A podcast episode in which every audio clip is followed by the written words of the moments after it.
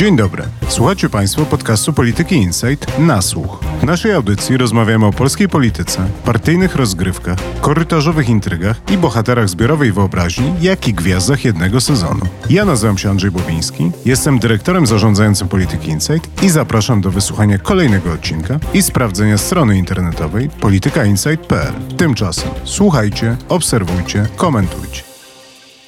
Jest środa 27 października. Dziś razem z Wojtkiem Szackim porozmawiam o tradycyjnej jesiennej rekonstrukcji rządu, o zmieniającej się roli Mateusza Morawieckiego w obozie władzy, o rosnącej pozycji Mariusza Błaszczaka oraz o konsekwencjach hybrydowego konfliktu z Unią Europejską, w którą rząd się wplątał i jakoś wyplątać się nie może. Zapraszam na nasłuch.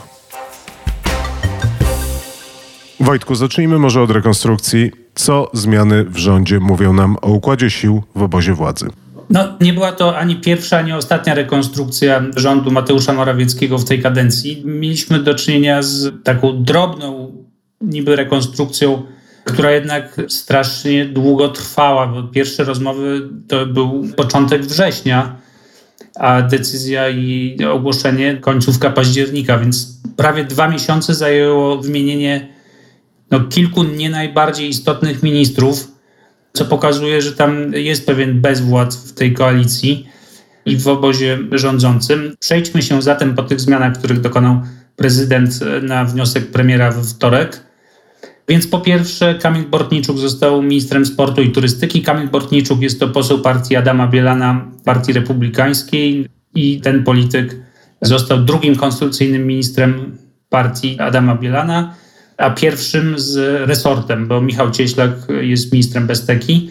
Tam wiceministrem będzie Łukasz Mejza, inny poseł Adama Bielana, więc bielaniści mają własny, w miarę silny resort, w oparciu o którym mogą budować jakieś swoje struktury, poparcie, gromadzić się i tak dalej.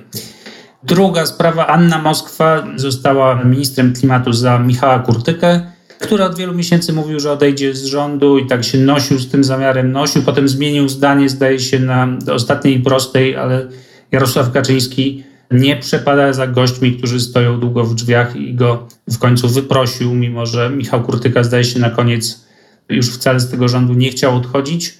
Anna Moskwa, z tego co słyszę, jest politycznie związana z Joachimem Brudzińskim. Ona wcześniej była u ministra Grubarczyka w nieistniejącym już Ministerstwie Gospodarki Morskiej. Później była dyrektorką w Orlenie. Teraz słyszę, że ma spore polityczne ambicje, że jej pozycja polityczna jest całkiem mocna i będzie prawdopodobnie chciała wejść też do takiej polityki partyjnej, poselskiej w kolejnej kadencji. Piotr Nowak został ministrem rozwoju, takiego bardzo okrojonego rozwoju, bo część departamentów przewędrowała do innych ministerstw, a część właśnie za chwilę zostanie przeniesionych, jak turystyka. No i wreszcie być może najistotniejsza zmiana. Po pierwsze, Grzegorz Puda został odwołany z Ministerstwa Rolnictwa i przeniesiony do Ministerstwa znacznie mniej istotnego Ministerstwa Funduszy. Natomiast w jego miejsce wszedł Henryk Kowalczyk z tytułem wicepremiera i z takim mocnym politycznym mandatem, żeby walczyć o głosy mieszkańców wsi. No dobrze, to fakty znamy. To teraz poprosiłbym Ciebie o odpowiedź na pytanie, co z tego wszystkiego wynika. No, rzuca się w oczy oczywiście wzmocnienie Adama Bielana, który no, wygrał te negocjacje. Nie wiem, na ile to jest kwestia tego, że on pewnie najdłużej zna Jarosława Kaczyńskiego z tych wszystkich polityków, bo już ze dwie dekady ale tutaj chciałem Ciebie dopytać, na ile Ty oceniasz, że Adam Bielan jest politykiem podmiotowym i na ile rzeczywiście jest tak, że siadając do negocjacji z Jarosławem Kaczyńskim, Adam Bielan negocjuje w swoim imieniu i gra swoimi żetonami, a na ile po prostu panowie zamykają się w pokoju, rozmawiają o pogodzie i o tym, jaka słaba jest opozycja, a potem wychodzą i Adam Bielan ogłasza sukces negocjacyjny, a Jarosław Kaczyński udaje, że dał się ograć? W sensie, czy to nie jest przypadkiem tak, że po prostu Jarosław Kaczyński potrzebuje mieć tego skrzydła takiego postporozumieniowego i że w ramach tej rozgrywki on obsadził Adama Bielana w tej roli, Adam Bielan może się tutaj budować, ale że tak naprawdę to te negocjacje to był proces fasadowy. Taka teoria jest oczywiście kusząca, ale ja myślę, że tutaj działają pewne mechanizmy, powiedzmy, ambicjonalno-psychologiczne, które sprawiają i niejako wpychają republikanów w te buty po Jarosławie Gowinie. i że jakkolwiek pewnie jest tak, że rzeczywiście Partia Republikańska i Adam Bielan strategicznie uznają przywództwo Jarosława Kaczyńskiego, wiedzą, że nie mają żadnych szans na samodzielny start w wyborach, to jednak fakt, że jesteś w innej, osobnej partii, że tam się ci ludzie spotykają, rozmawiają o polityce, tworzą pewnie jakieś własne koncepcje, mają swoje ambicje, że to jest jakiś taki mechanizm, który sprawia, że tak czy inaczej gdzieś na koniec dnia ty masz trochę inne stanowisko w kilku sprawach. Tu jesteś pokłócony z tym czy owym politykiem PiSu. Siłą rzeczy po prostu jak masz własną partię, to ta partia zaczyna żyć trochę własnym życiem, niezależnie od tego, jak śmieszne to życie może się z daleka wydawać. To teraz dopytałbym o czwartego koalicjanta, bo rozumiem, że Adam Bielan, jego republikanie stali się trzecim koalicjantem, czy Marcin Ociepa jego formacja Polska od nowa stała się czwartym koalicjantem, bo gdzieś przeczytałem chyba w gazecie, że została podpisana umowa koalicyjna. Cofnę się jeszcze na sekundę do Bielana, bo mało kto chyba o tym słyszał, ale było już pierwsze starcie wyborcze między Partią Republikańską a PiSem. Nikt tego nie zauważył, bo rzecz dotyczyła niewielkiej gminy w województwie mazowieckim. Jest to bodaj gmina Zbuczyn gdzie poprzedni wójt został zainstalowany w którejś ze spółek Skarbu Państwa i tam PiS wystawił swojego kandydata na wójta, a Adam Bielan wystawił własnego kandydata na wójta. I Adam Bielan nagrał spot popierający tego swojego kandydata i Mateusz Morawiecki nagrał swój spot popierający tego kandydata i wygrał kandydat Adama Bielana. Znaczy to jest oczywiście śmieszne i niespecjalnie istotne, ale była to gmina rodzinna, zdaje się gmina Krzysztofa Tchórzewskiego, który się jakoś strasznie wściekł na Adama Bielana za to, że ten śmiał wystawić własnego kandydata. I myślę, że gdzieś na tym poziomie lokalnym takich konfliktów będzie więcej. Też Piotr Gliński pewnie nie przypada teraz za partią republikańską, bo mu zabrali resort sportu z jego władztwa. Więc podsumowując, Partia Republikańska jest bytem wciąż dość kabaretowym, ale ja wcale nie uważam, że to z czasem nie przekształci się w coś właśnie na kształt porozumienia czy też Solidarnej Polski, czyli partii, które od czasu do czasu z PiSem wojowały. Wracając do pytania o Marcina Ociepę i jego stowarzyszenie Odnowa, to on zdaje się miał plany ambitne bardzo, czyli po pierwsze chciał być ministrem, po drugie jego ludzie wspominali coś o tym nieoficjalnie, że stworzą własną partię, ale wygląda na to, że to się wszystko rozpadło, zanim zdążyło powstać. I tutaj Adam Bielan uzyskał znacznie więcej w tych negocjacjach. Ociepowcy nie dostali resortu, więc się nie będą mogli budować. I myślę, że z czasem część tych posłów będzie grawitowała w stronę Partii Republikańskiej albo PiSu. Zwłaszcza, że na przykład taki Andrzej But-Mostowy pewnie przejdzie do Ministerstwa Sportu i Turystyki razem ze swoim działem. I nie dam głowy, że za kilka miesięcy nie zwiąże się po prostu z partią Adama Bielana. Przy czym z tego co ja rozumiem, to nie ma miłości między Marcinem Ociepą a Kamilem Bortniczukiem i szerzej republikanami. A po drugie, z tego co zdaje się dzisiaj jest napisane w Gazecie Wyborczej, wynikałoby, że jednym z warunków, żeby ociepowcy mogli coś więcej dostać, było, żeby przystąpili do PiSu. I tak jak Marcin Ociepa był gotów przejść do PiSu, to pozostali wiceministrowie, bo tam głównie są wiceministrowie, niespecjalnie się tam wybierali, więc z jednej strony rozumiem, że siła grawitacji jest no, dosyć istotną siłą w naszym życiu, ale z drugiej strony wydaje mi się, że tutaj też jest potencjał na wiele mikrokonfliktów i ogólnie większych czy mniejszych awantur na miarę wyborów w Zboczynie. Tak, no tam było dość śmieszne, bo Jarosław Kaczyński w którymś momencie zaoferował Marcinowi Ociepie resort ale tylko pod warunkiem, że stanowiska stracą wszyscy pozostali wiceministrowie. Wtedy Marcin Ociepa natychmiast straciłby tych swoich posłów, z których teraz prawie wszyscy są wiceministrami. Więc tak, no tych mikrokonfliktów tam będzie niemało, zwłaszcza, że ci ludzie są ambitni, często są młodzi. Oni porzucili Jarosława Gowina wszyscy na różnych etapach, głównie z powodu chęci utrzymania się przy władzy. Więc myślę, że te ambicje poszczególnych polityków będą odgrywały sporą rolę. Tutaj z zainteresowaniem śledzę karierę medialną posła Mejzy, zwłaszcza, który nawet dał się sfotografować, jak buszuje w sklepie z damską bielizną i kupuje swojej partnerce bieliznę. Widzę tutaj naprawdę duży potencjał do i konfliktów, i wpadek medialnych. No, będzie się działo. Dobrze, zanim przejdziemy do dania głównego, czyli Mateusza Morawieckiego, jeszcze chciałem się ciebie zapytać o to, co to wszystko znaczy dla Solidarnej Polski, bo mam wrażenie, że w tej całej rekonstrukcji, nie wiem jak to inaczej ująć, bardzo mało było Zbigniewa Ziobry, jego interesów i negocjacji z nim. To znaczy, jak to jest, że Zjednoczona Prawica się rekonfiguruje, a Zbigniew Ziobro stoi w miejscu. Rozmowy trwają i było ileś tur już rozmów na szczeblu Jarosław Kaczyński, Zbigniew Ziobro, Krzysztof Sobolewski z doskoku i Patryk Jaki również z doskoku, z tego co słyszę. I oni negocjują coś, prawdopodobnie tym czymś jest kształt ustaw sądowniczych, a przy okazji na poziomie wiceministerialnym być może coś się zadzieje. Tam od czasu do czasu miga jakieś nazwisko posła Solidarnej Polski, który miałby zostać wiceministrem tego czy owego resortu. No ale trzeba pamiętać, że Zbigniew Ziobro już ma ministra Besteki, sam ma jedno z najpotężniejszych ministerstw, z którego w dodatku wyłączył całkowicie pisowców, tam są wyłącznie politycy Solidarnej Polski w kierownictwie. Więc on już teraz ma sporo. Być może dostanie jeszcze jednego właśnie wiceministra, ale kluczowe dla niego są pewnie te sprawy sądowe, około sądownicze. No i pewnie cieszy się też z tego, co nazwałeś daniem głównym, czyli osłabienia Mateusza Morawieckiego. Ja mam wrażenie, że tu jeszcze dużo się będzie działo i trochę przegapiamy to, patrząc na tę rekonstrukcję, bo nawet kwestia Aliora tutaj jest ciekawa, bo tam miała iść kandydatka związana ze Zbigniewem Ziobrą i tutaj też jakoś to zostało zawieszone, więc wydaje mi się, że tutaj jest dosyć dużo jak mówię, w Komisji Europejskiej fajli negocjacyjnych otwartych i mimo tego, że niby rekonstrukcja się zakończyła i wszystko już zostało dogadane, to tak naprawdę tutaj dosyć kluczowy obszar negocjacji został przeniesiony na później, a równolegle też, i to chyba warto dopowiedzieć, z tego co ty pisałeś, a ja rozumiem, czeka nas jeszcze tak zwana mała rekonstrukcja, która z mojej perspektywy często jest ciekawsza od dużej, czyli zmiany w ministerstwach na poziomie wiceministrów.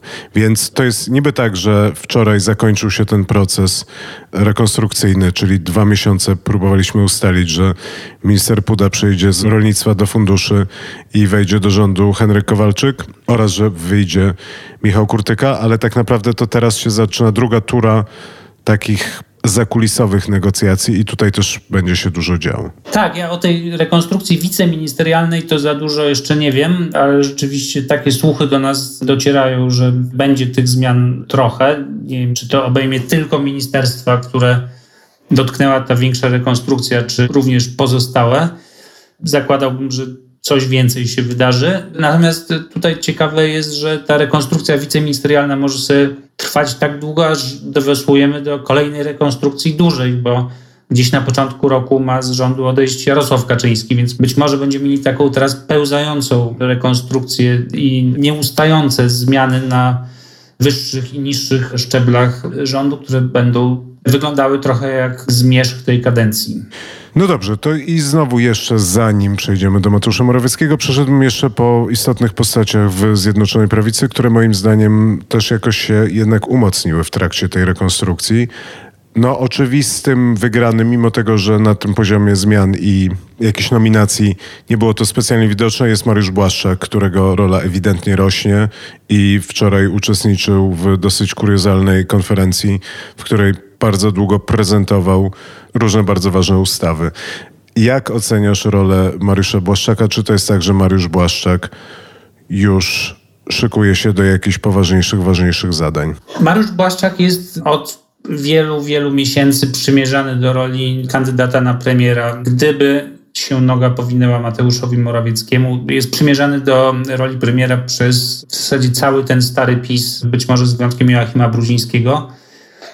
I niewykluczone, że on z czasem tę pozycję zajmie, albo przynajmniej kandydata na premiera formalnego, ale myślę, że to jest jeszcze nie ten moment. Natomiast myślę, że on się bardzo szykuje na wejście w rolę Jarosława Kaczyńskiego w rządzie. Jak już Jarosław Kaczyński z rządem się pożegna, no to zwolni tytuł wicepremiera i takiego nieformalnego szefa tych resortów siłowych.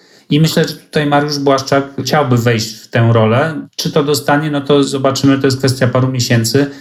Mariusz Błaszczak ma pewne ograniczenia polityczne, które zresztą wyszły wczoraj na tej konferencji. On, mówiąc wprost, uśpił wicepremiera Kaczyńskiego i znaczną część pewnie również widzów i słuchaczy tej konferencji. Ale tutaj pojawia się pytanie, które wiele osób sobie zadawało, czy to nie jest tak, że po prostu Jarosław Kaczyński czuje się tak bezpiecznie u boku Mariusza Błaszczaka, że może sobie pozwolić na drzemkę. No być może, tak. Czego więcej oczekiwać od wicepremiera do spraw bezpieczeństwa przyszłego? Tak, no patrząc na to w ten sposób można powiedzieć, że rzeczywiście Mariusz Błaszczak udowodnił swoją przydatność i swoje kompetencje, ale tak całkiem serio, Mariusz Błaszczak ma bardzo wielu zwolenników, a nawet wyznawców w PiSie, takich ludzi, którzy uważają, że on jest wzorem urzędnika, państwowca, takim bardzo poważnym politykiem, który daje rękojmie takiej powagi państwa. Ja tego tak nie widzę, ale dostrzegam, że wiele osób PiSie tak uważa. No i wszyscy ci, którzy nie przepadają za Mateuszem Morawieckim, prawdę mówiąc, nie bardzo mają się do kogo zwrócić i pod czyimi skrzydłami gromadzić poza Mariuszem Błaszczakiem. No więc ja tutaj muszę sobie pozwolić na komentarz i trochę wyjść z swojej roli, ale muszę powiedzieć, że nie zdawałem sobie sprawy i chyba nigdy tak długo nie słuchałem Mariusza Błaszczaka jak wczoraj, że nie ma on daru, który moim zdaniem jest darem dosyć istotnym, rozdzielania rzeczy istotnych od nieważnych. I w trakcie swojego przemówienia mówił strasznie długo i mówił, mam wrażenie, wszystko, co mu przychodziło do głowy i wydaje mi się, że to niespecjalnie go predestynuje do najwyższych funkcji w państwie. Niezależnie od jakości klasy politycznej, wyobrażam sobie, że Jarosław Kaczyński może nie być specjalnie szczęśliwy, jeżeli jego premierem byłby człowiek, który po prostu tak strasznie długo mówi jednostajnym głosem, trochę nie wiadomo co i dlaczego oraz po co. Więc wydaje mi się, że tutaj to ograniczenie jest dosyć istotne, no ale to rozumiem, że będziemy patrzeć, może Mariusz Błaszczak będzie się rozwijał jako polityk i jednak nauczy się mówić rzeczy ważne i oddzielać te rzeczy ważne od tych mniej ważnych. No a trochę jest też tak, że na bezrybiu i rak ryba. No, czy wyobrażasz sobie, jakbyś się wczuł w pisowca, powiedzmy takiego posła drugiego szeregu. Dzień jak co dzień. Dzień jak co dzień. No, czy wyobrażasz sobie jakiegoś polityka, na przykład Jacka Sasina jako premiera, albo Marka Suskiego, no Ryszarda Terleckiego, no nie widać, tam ta ławka jest dość krótka. No ja niezmiennie zawsze myślę, że Beata Szydło, ale tu są inne ograniczenia, była wzorem premiera pisowskiego i tym wzorem pozostaje. Ona już tylko na prezydenta. Dobrze, Wojtku, jeszcze chciałem cię zaczepić o Jacka Sasina, bo Mam poczucie, że jest to postać, która cały czas, wbrew pozorom, utrzymuje się mimo trudniejszego okresu i niemałych problemów chwilę temu. Mam wrażenie z tego, co słyszę, że jego rola rośnie. Z tego, co nam mówi nasz kolega Robert Tomaszewski, Jacek Sasin ma dobry kontakt i będzie miał dobry kontakt z ministrą Moskwą, jak i z Piotrem Nowakiem. Więc tutaj tworzy się taki mały konglomerat ministerialny, który będzie miał dosyć duży wpływ na politykę energetyczną, klimatyczną i gospodarczą, czyli na obszary, które dotychczas raczej były we władaniu Mateusza Morawieckiego. To już jest ostatnie pytanie przed pytaniem o Mateusza Morawieckiego, jego rolę, ale czy ty też to widzisz i czy nie masz wrażenia, że rola Jacka Sasina w obozie władzy rośnie? No Jacek Sasin bardzo skorzystał na tym, że został przetransferowany do Hełma, do okręgu hełmskiego w tej kadencji, ponieważ Wcześniej on kandydował z okręgu tego podwarszawskiego, gdzie był skazany na konflikt z Mariuszem Kamińskim i z Mariuszem Błaszczakiem. I te konflikty były bardzo silne między nimi. Tam nawet były historie ze zrywaniem plakatów wyborczych. No, dużo złej krwi tam było w tym trójkącie warszawskim i obwarzankowym. I to przeniesienie do innego okręgu, gdzie on jest jedynką i ma spokój, jest szefem też okręgu, otworzyło pole do zawierania różnych taktycznych sojuszów ze swoimi niedawnymi przeciwnikami, sojuszów zresztą zwykle wymierzonych premiera Morawieckiego. I Jacek Sasin niewątpliwie odżył partyjnie w tej kadencji i wydaje mi się, że on wciąż nie jest taką samodzielną postacią. To nie jest tak, że jest jakaś frakcja sasinowców, ale jest zdolny rozmawiać jak równy z równym z najważniejszymi politykami tego starego PiSu i właśnie z nimi tworzyć różne taktyczne alianse wymierzone w premiera, czy też tworzone po to, żeby wywalczyć jakieś ważne dla siebie sprawy. Tak, ja też mam takie wrażenie, że siłą Jacka Sasina i że Jacek Sasin jest najlepszą wersją Jacka Sasina, kiedy się nie pcha na przód, tylko działa za kulisami. To znaczy, były takie momenty, ja pamiętam, kiedy Jacek Sasin poczuł wiatr w żagle i zdaje się, poczuł, że mógłby nawet kandydować na najwyższe urzędy w państwie. I to był moment, kiedy doznał, mówiąc kolokwialnie, takiej cofki politycznej. Natomiast w momencie, kiedy znowu się wycofał, jest mniej widoczny, wydaje się być bardziej skuteczny i lepiej się dogadywać i też odgrywać ważniejszą rolę w tych rozgrywkach zakulisowych w Starym PiSie. No a być może też jest tak, że po prostu wiatr teraz jest sprzyjający dla starego PiSu, a nie dla Mateusza Morawieckiego. No i tym zgrabnym nexusem możemy przeskoczyć do tematu, o których chciałem najbardziej ciebie zapytać.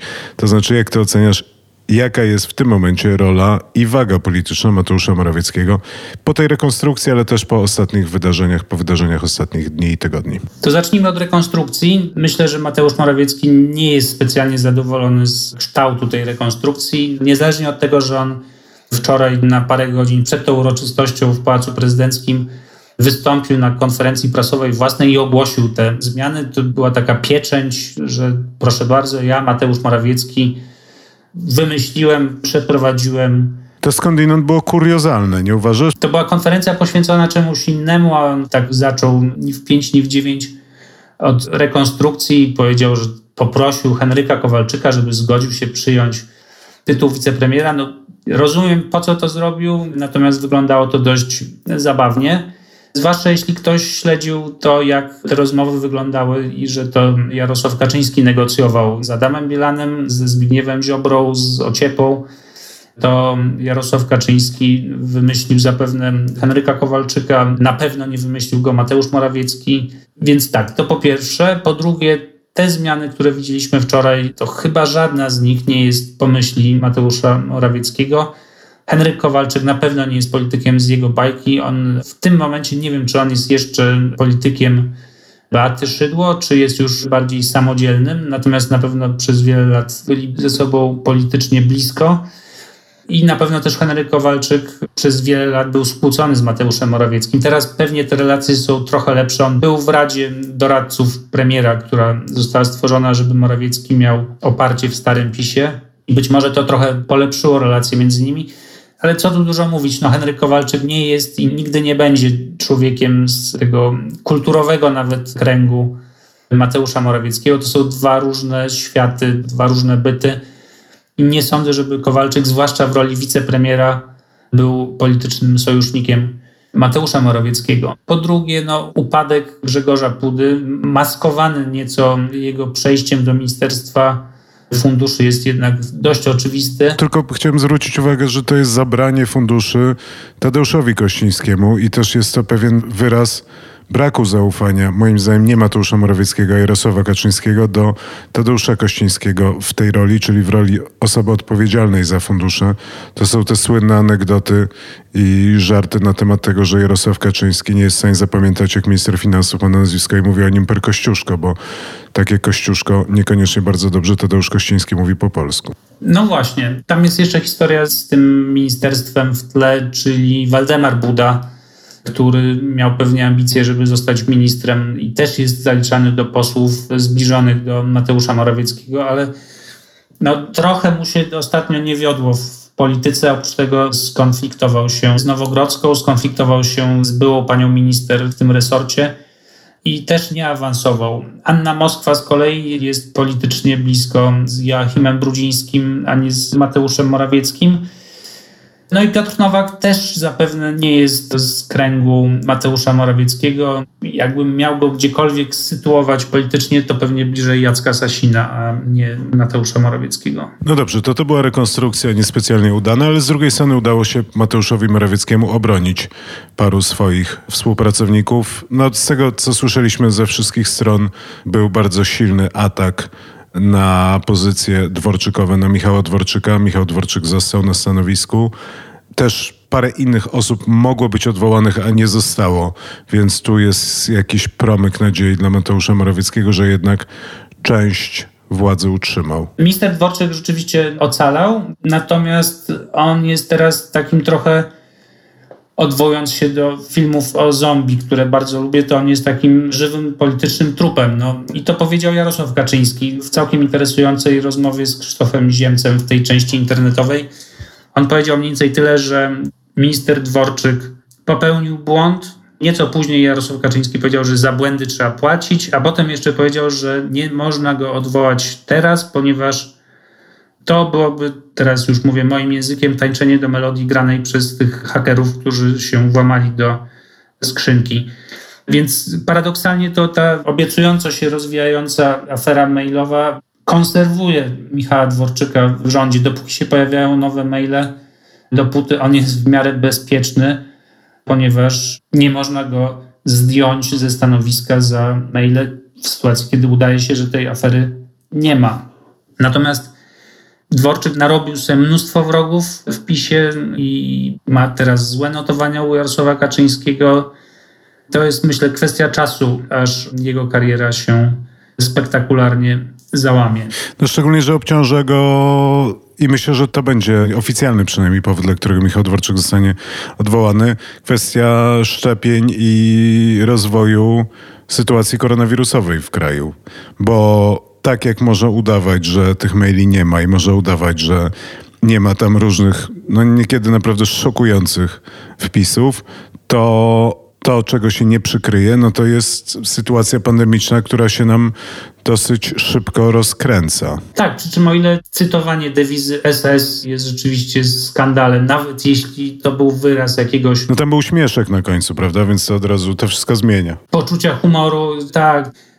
Nawet jeśli no, to jest raczej powód do dymisji, a nie, nie wyszczepienie, gdzie tutaj nie bardzo widzę winę tak naprawdę ministra. Widzę raczej winę całego PiSu i obozu, którego minister Dworczyk jest przedstawicielem bo myślę, że tutaj raczej zbiorowo zawinił PiS jako obóz polityczny lękający się swojego antyszczepionkowego elektoratu. No ale Wojtku, bądźmy poważni. No, za ogólnie problemy trzeba kogoś obwinić i to oczywistą ofiarą moim zdaniem będzie po prostu Michał Dworczyk. No ewentualnie jeszcze minister zdrowia. Rozumiem, że ty tutaj próbujesz prowadzić jakiś zdrowy rozsądek i zasady obiektywizmu, czy nie wiem czego, ale to ja nie o tym. Nie, ja myślę, że jeśli zostanie minister Dworczyk zdymisjonowany, być może zresztą w pakiecie z ministrem Niedzielskim przy okazji następnej rekonstrukcji, no to ten powód pandemiczny będzie oczywisty Natomiast tutaj tak naprawdę to Jarosław Kaczyński i Mateusz Morawiecki się powinni podać do dymisji z tego powodu, a nie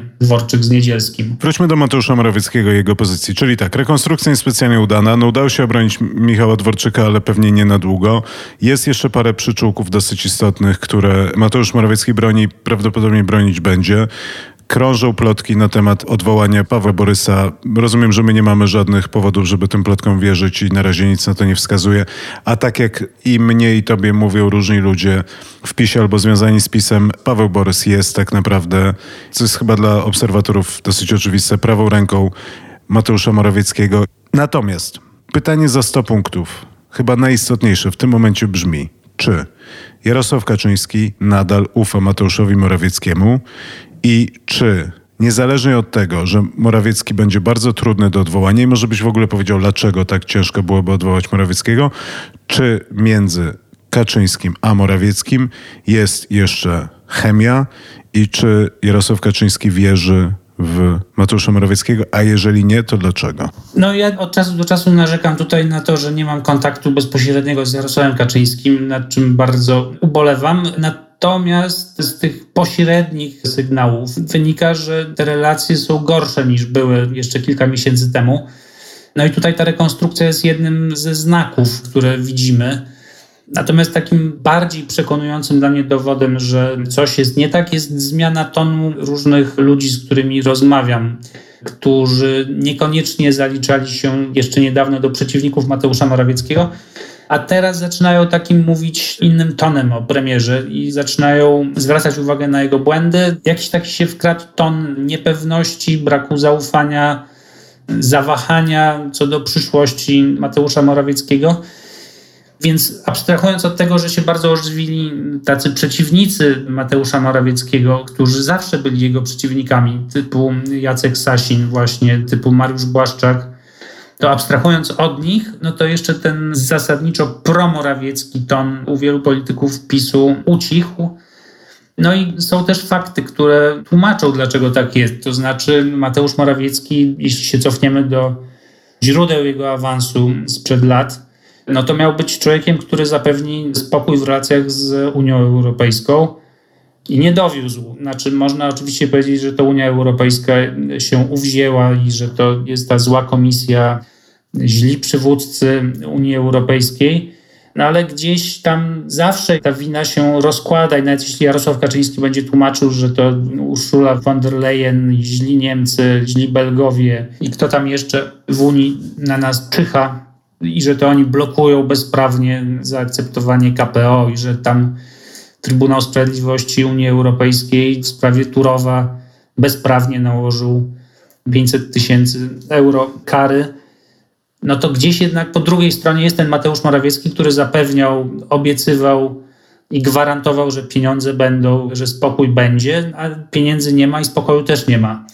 Więc on tutaj jest rozliczany za deficyt skuteczności. No to jest trochę jak z tym Dworczykiem i ze szczepieniami, ale to tak naprawdę to jest trochę to, co powiedział Jarosław Kaczyński w tym wywiadzie w RMF-ie, no, że ktoś musi ponieść odpowiedzialność za sytuacje, które zachodzą, tak? I tutaj niezależnie od tego, gdzie leży wina, no to winnego trzeba znaleźć i wydaje mi się, że koniec końców ta wina spoczywa na Mateuszu Morawieckim jako na osobie, która z jednej strony miała dużo do powiedzenia, z drugiej strony, tak jak ty mówisz, miała dowieść spokój i fundusze, ale z trzeciej strony też nadzoruje ten cały pion europejski, który no nie miał łatwo, bo został rzucony na dosyć nieoczywiste warunki, które przedstawiał, nie wiem, Jarosław Kaczyński, Zbigniew Ziobro, Korpis i tak dalej, i tak dalej, no ale musieli grać tymi kartami, które grają i mieli coś tymi kartami ugrać, a wydaje się na tym etapie, że no na razie jedyne, co się wydarzyło, to jest jedna wielka awantura, z której trochę nie wiadomo, jak wyjść. Tak, no a drugi taki duży wątek, który obciąża Mateusza Morawieckiego i myślę, że to będzie coraz ważniejsze, no to jest oczywiście gospodarka, inflacja, wzrost cen energii. To też znowu można powiedzieć, że to jest wina poprzedników, że to Tusk coś wynegocjował, że premier Kopacz coś wynegocjował, ale umówmy się, że ten argument będzie działał coraz słabiej w miarę upływu czasu. A tu i teraz jest Mateusz Morawiecki, który jest twarzą tej drożyzny. Trzecia rzecz to jest oczywiście Polski Ład, który teraz dopiero wygląda na to, że zaczął jakoś być promowany na serio, przynajmniej w sieci przez polityków PiSu, a przez wiele miesięcy był sierotą. Czwarta rzecz to jest epidemia, która wbrew wszystkim prognozom rządowym rozwija się nad podziw. Dzisiaj mieliśmy ponad 8 tysięcy przypadków i ponad 100 zgonów a rządzący mówią, że nie będzie żadnych obostrzeń, ponieważ boją się reakcji elektoratu i nie mają pieniędzy na rekompensaty dla branż dotkniętych obostrzeniami. I ktoś mi wczoraj powiedział, że nie będzie żadnych obostrzeń, dopóki nie zawali się system ochrony zdrowia. Jest to podejście dość nowatorskie i ryzykowne, ale widać, że tutaj już rządzący gonią resztkami sił. No to są wszystko rzeczy, które tak naprawdę Mateusz Morawiecki miał ogarnąć i dowieść. Ja w ogóle mam takie poczucie, i to mi ktoś opowiadał i też podejrzewam, że mogliśmy o tym mówić w którymś momencie, w którymś z tych podcastów, że Jarosław Kaczyński bardzo lubi polityków, którzy przychodzą do niego z nowymi pomysłami i z dużą dozą dobrej energii. I to jest przypadek i Mateusza Morawieckiego i Daniela Obajtka. To znaczy to są politycy albo menedżerowie, którzy przychodzili do Jarosława Kaczyńskiego i mówili, panie prezesie, zrobimy A, i on mówił, o super, ale dobry pomysł, dobra, robimy. Po czym przychodzili i to, a tam się niby działo, ale nie do końca, więc oni wtedy mówili, ale panie premierze, czy tam panie prezesie, mamy jeszcze lepszy pomysł, zrobimy B. I to powodowało taką nakręcającą się piramidę oczekiwań, gdzie za każdym razem ten polityk przychodził z nowym pomysłem, z nowym projektem. Jarosław Kaczyński był coraz bardziej podniecony, że tak super, tutaj dużo rzeczy zrobimy i przełamujemy imposybilizm i ogólnie Polska będzie rosła w siłę i będzie fantastycznie, tylko tak naprawdę i to znowu jest case i Morawieckiego, i Obajtka. Te rzeczy niespecjalnie się dzieją. Ja w ogóle tu się cofnął do strategii odpowiedzialnego rozwoju i 17 celów, które tam nie zostały spełnione i ogólnie rozdmuchania oczekiwań względem polskich, nie wiem, promów, samolotów i tak dalej, i tak dalej. Z tego została chyba tak naprawdę Mierzeja Wiślana. No i potem można mnożyć te kolejne projekty i pomysły, z którymi przychodził Mateusz Morawiecki. A jak na to spojrzeć, tak trzeźwym okiem, poza takim doraźnym administrowaniem i ewentualnie zmianami w podatkach i w polityce fiskalnej, co też rodzi jakieś kontrowersje, ale to Mateusz Morawiecki niespecjalnie dużo rzeczy dowiózł, a na tym etapie jeszcze do tego wydaje się, że nie pomógł w tej sytuacji z funduszami europejskimi i z całą tą zadymą na poziomie europejskim. Więc ja się zastanawiam w tej sytuacji, co jeszcze Mateusz Morawiecki ma do zaoferowania Jarosławowi Kaczyńskiemu. To znaczy, do czego w tym momencie jest potrzebny Mateusz Morawiecki Jarosławowi Kaczyńskiemu, do czego innego niż po prostu do trwania. No, zadałeś pytanie, dlaczego Mateusz Morawiecki jest jeszcze nieusuwalny. Rozumiem, że tym samym odpowiadasz, że do niczego i przechodzisz do kolejnego mojego pytania, dlaczego jest nieusuwalny. Ja uważam, że Mateusz Morawiecki, jego ostatnią szansą na nie tyle zachowanie stanowiska, ile na odrobienie tych strat, o których teraz rozmawialiśmy i wzmocnienie się w oczach Jarosława Kaczyńskiego, to jest odblokowanie Krajowego Planu Odbudowy w Brukseli. Jeśli dość szybko, czyli jeszcze w tym roku Komisja Europejska odblokuje KPO, no to wtedy Mateusz Morawiecki będzie mógł powiedzieć: Osiągnąłem sukces i ze zdwojoną energią zabrać się do realizacji Polskiego Ładu. Myślę, że to wystarczy, żeby odzyskać zaufanie i wrócić w łaski? Jakąś część tak. No, myślę, że to nie jest kwestia już 100%, tylko jest to jakaś tam strefa szarości, powiedzmy, a nie obrazek czarno-biały.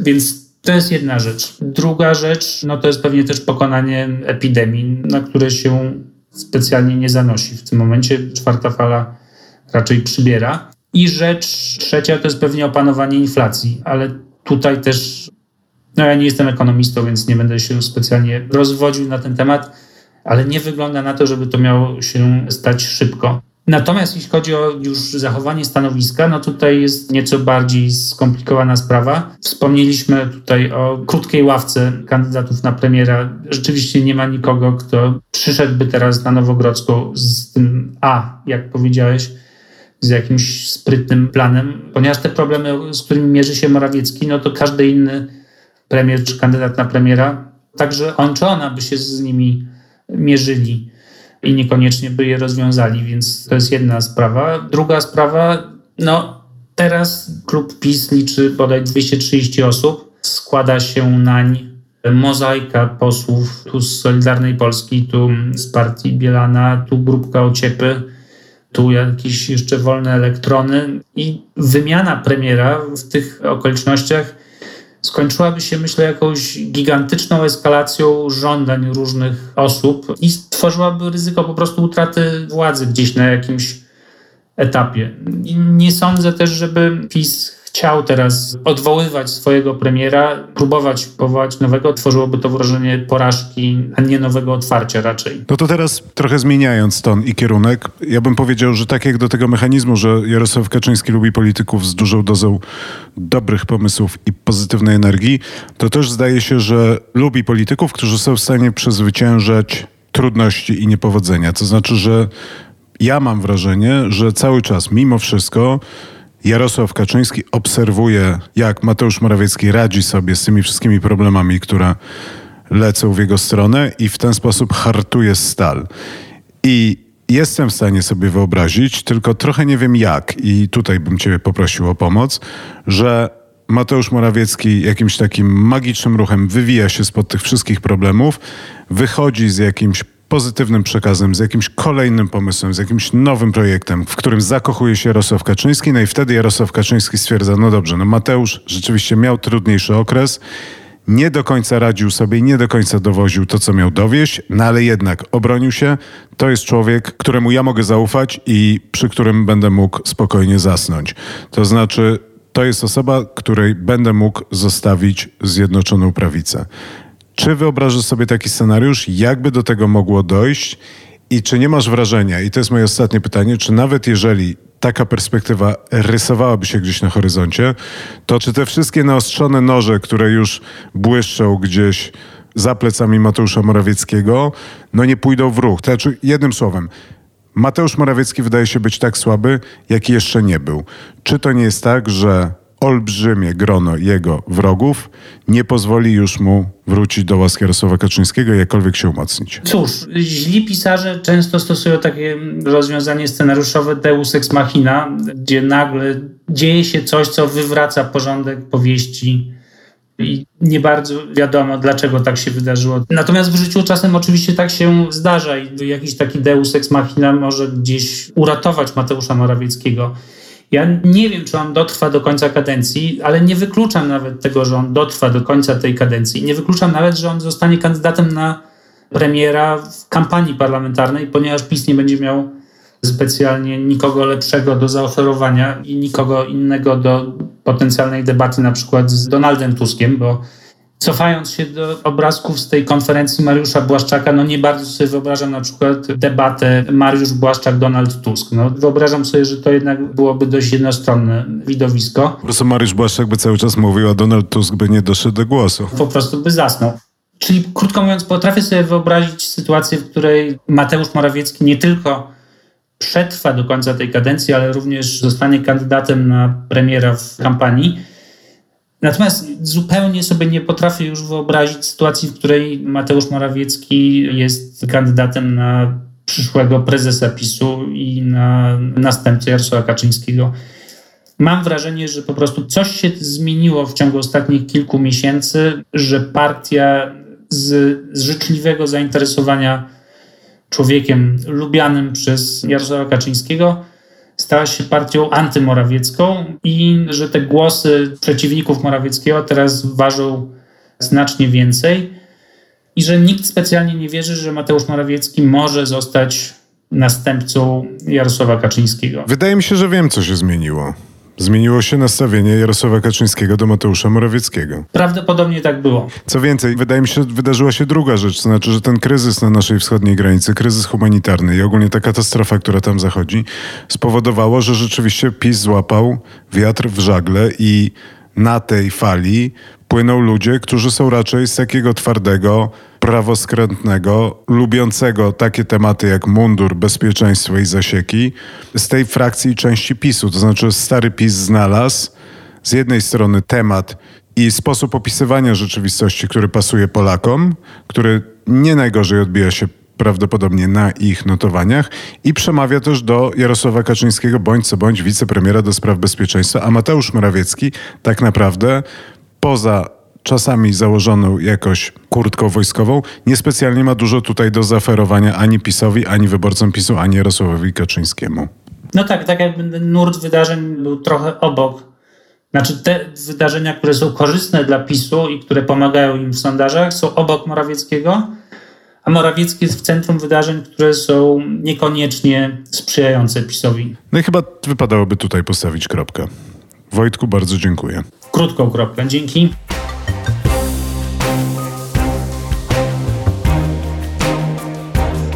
Na dziś to wszystko. Posłuchajcie również innych naszych podcastów, które znajdziecie w większości serwisów podcastowych. W pole wyszukiwania wpiszcie po prostu Polityka Insight. Słuchajcie, obserwujcie i komentujcie. Do usłyszenia.